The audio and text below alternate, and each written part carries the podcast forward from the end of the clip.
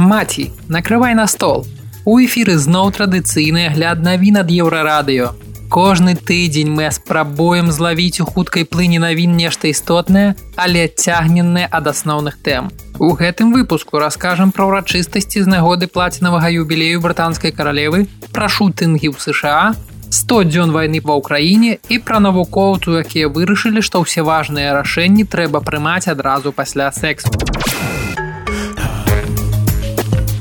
Брытанцам пашанцавала. Пакуль мы з вами працавалі учора і сёння яны адпачывалі. Нагода? Першы ў гісторыі брытанскай манархіі плацінавы юбілей 70 гадоў кіравання каралевы лізаветы другой. Мільёны людзей выйшлі на вуліцы каб прыняць удзел у святочных урачыстасць дзясяткі чалавек правялі ноч на мётах загарнуўшыся ў брытанскія сцягі на вуліцы мэл якая вядзе да каралеўскага палаца каб першымі апынуцца ў самым цэнтры падзей. Але не ўсё пайшло гладка. Раптам лізавета другая паведаміла што прапусціць набажэнства з нагоды 70годдзя кіравання праз дыскамфорт у першы дзень святкаванняў. Відаць, праз вялікую нагрузку ў першы дзень у лізаветы зноў з'явіліся праблемы з нагамі. Так піша журналіст BBC Шон Кофлан, які асвятляе навіны каралеўскай сям'і. Нацыянальнае набажэнства дзякавання ў саборы святого Паўла было для каралевы прыярытэтным мерапрыемствам гэтага тыдня.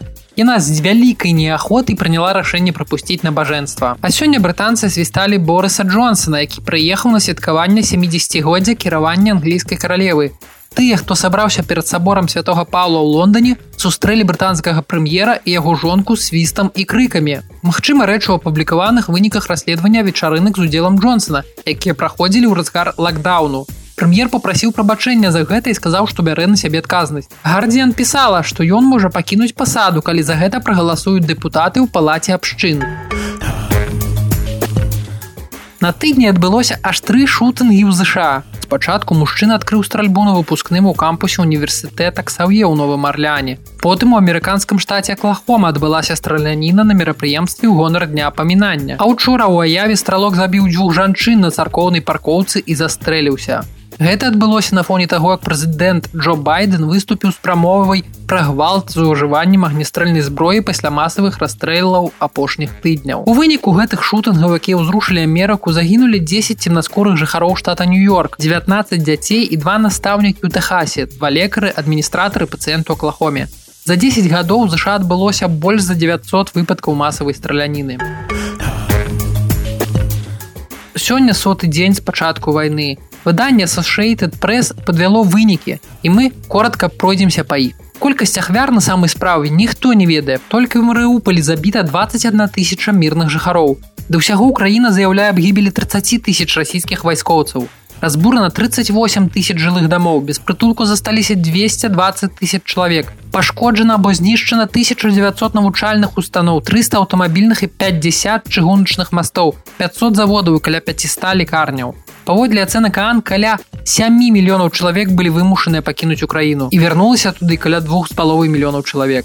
На Расію накладзена больш за 5 тысяч санкцый, больш чым на любую іншую краіну, каля 300 мільярдаў расійскіх залатавалютных рэзерваў замарожаныя. Больш за тысячу кампаній згарнулі сваю дзейнасць у РФ. Украіна паведамляе пра шаламляльны эканамічны ўдар. Вайна знішчыла 35 процентаў валавага ўнутранага прадукту. Прамыя страты сёння перавышаюць 600 мільярдаў. Брытанскія секс-эксперты заявілі пра тое, што найлепшы момант для прыняцця складаных рашэнняў і рашэнняў, якія патрабуюць крэатыўнасці адразу пасля сексу. Прычым правіла працуе больш для мужчын. Навукоўцы лічаць, што рэч у тым, што посткаітальны стан гэта такі гарманальны дзен. Адразу пасля сексу арганізм атрымлівае дозу строг гармонаў, дафаміну, эндарфіну і аксітацыну. Усе яны прымушаюць вас адчуваць сябе добра, таксама больш засяроджана, больш ураўнаважана. Акрамя гэтага зніжаецца ўзровень гармону стрэсу картызолу і вся гэтая сумесь дапамагае ліквідаваць празмерны ўнутраны дыялог. Гэта дапамагае здабыць ясную галаву, пазбавіцца ад ментальнага туману і бар'ераў, якія перашкаджаюць мець цвярозы розум.